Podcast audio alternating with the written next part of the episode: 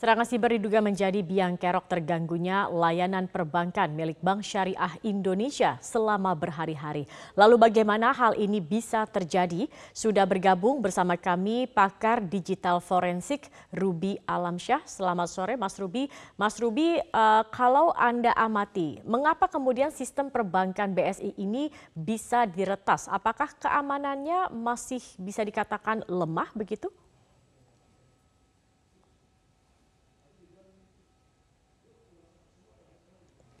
Mas Ruby maaf sepertinya masih dalam mode mute, boleh di unmute terlebih dahulu.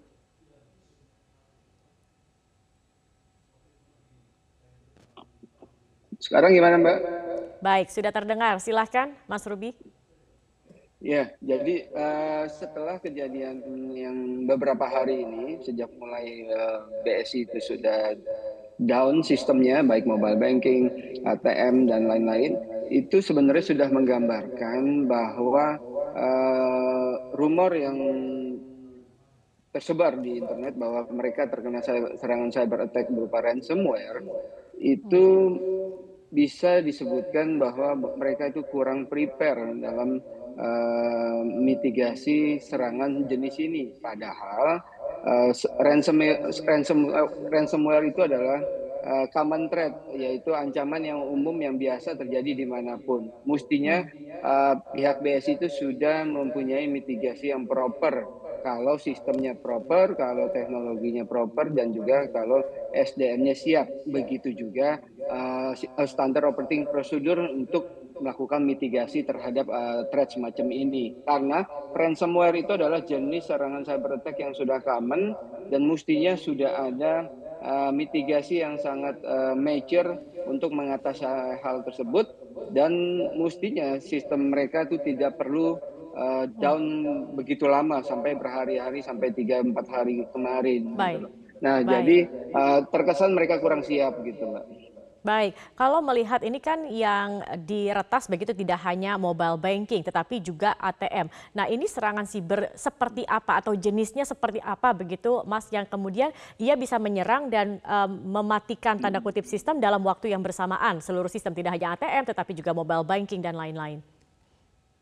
Iya, jadi kalau yang terkena ransomware itu adalah software-software uh, atau oh, sistem-sistem utama mereka yang melayani aplikasi mobile, melayani jaringan ATM, itu otomatis baik itu jaringan ATM maupun aplikasi mobile itu tidak dapat mengakses, eh, tidak dapat uh, mendapatkan data dan hak untuk mengakses ke core banking dalamnya sehingga sistem itu ya murni tidak bisa diakses. Seperti yang kita lihat error tampilan screenshot dari masyarakat itu error yang muncul di awal adalah sebenarnya time out time out itu berarti aplikasi mobile banking kita ataupun uh, mesin ATM itu time out ke arah ke arah backend uh, BSI tak terputus. Nah, terputus itu baik itu karena jaringan tetapi yang lebih dimungkinkan karena sistemnya down dah.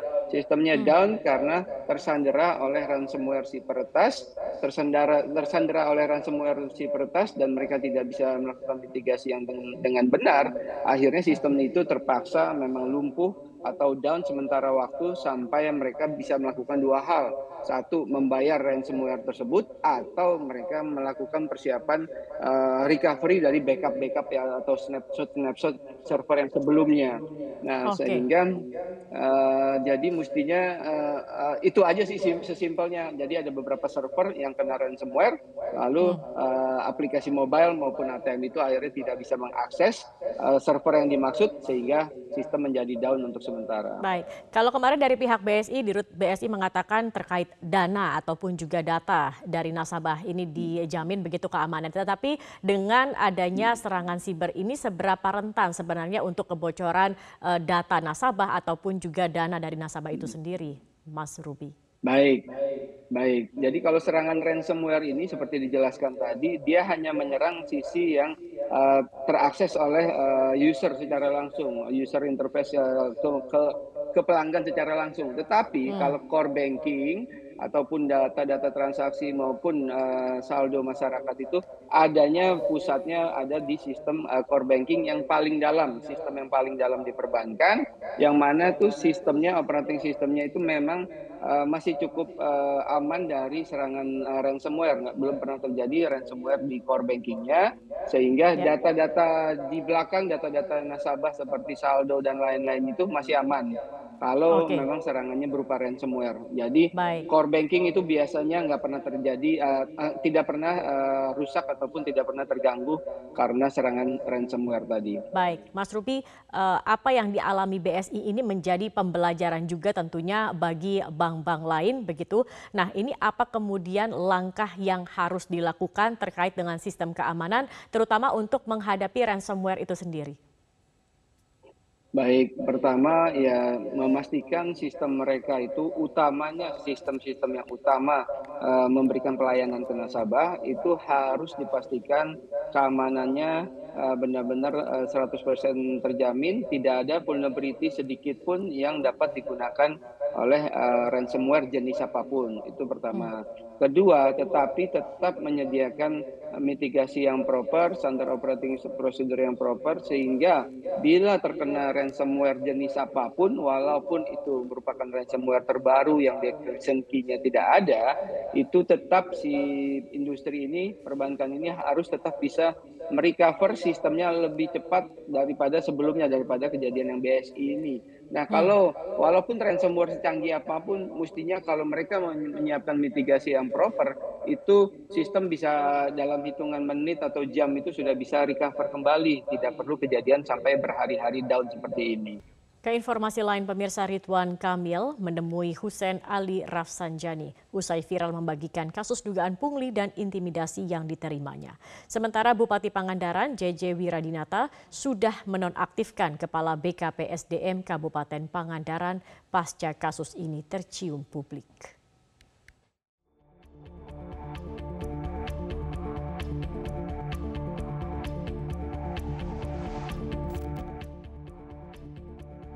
Gubernur Jawa Barat Ridwan Kamil akhirnya bertemu guru muda ASN Pangandaran yang mengundurkan diri karena tidak mau mencabut laporan dugaan praktik pungli yang ia terima. Emil mengaku bicara langsung untuk mendapatkan informasi dari yang bersangkutan. Setelah mendengarkan kronologi dari Husen, Emil menyebut tim Pemprov akan mendampingi kasus ini untuk dicari solusinya. Emil bahkan membuka opsi untuk Husen dapat mengajar di SMA yang menjadi kewenangan gubernur. Tak cuma Ridwan Kamil, Bupati Pangandaran juga telah menemui Hussein pada Kamis sore.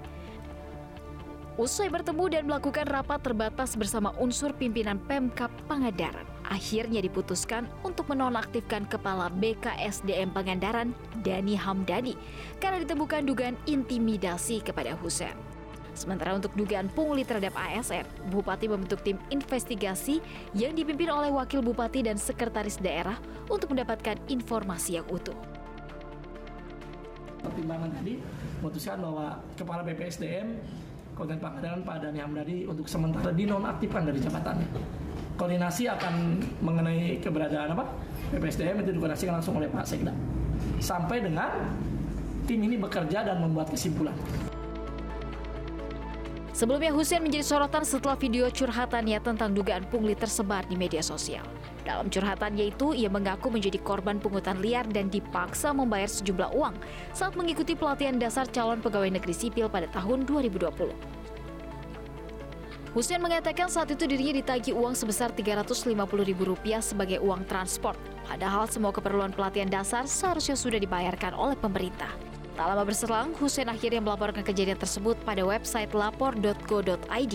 Namun setelah laporan itu masuk, dirinya justru tidak mendapat jawaban apa pun. Bahkan dirinya dicari sejumlah orang tak dikenal. Pemirsa, PNS ini akan dapat uang tambahan, uh, uang tambah daya tahan tubuh 18.000 sampai 25.000 rupiah per orangnya. Pemberian anggaran ini diatur dalam peraturan Menteri Keuangan.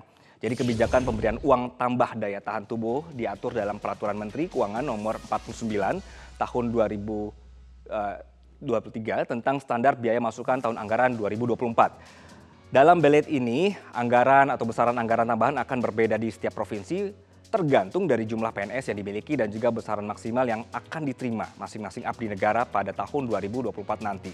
Nantinya, dana tambahan itu akan masuk dalam satuan biaya makanan penambah daya tahan tubuh. Gimana menurut pemirsa? Perlu nggak tuh?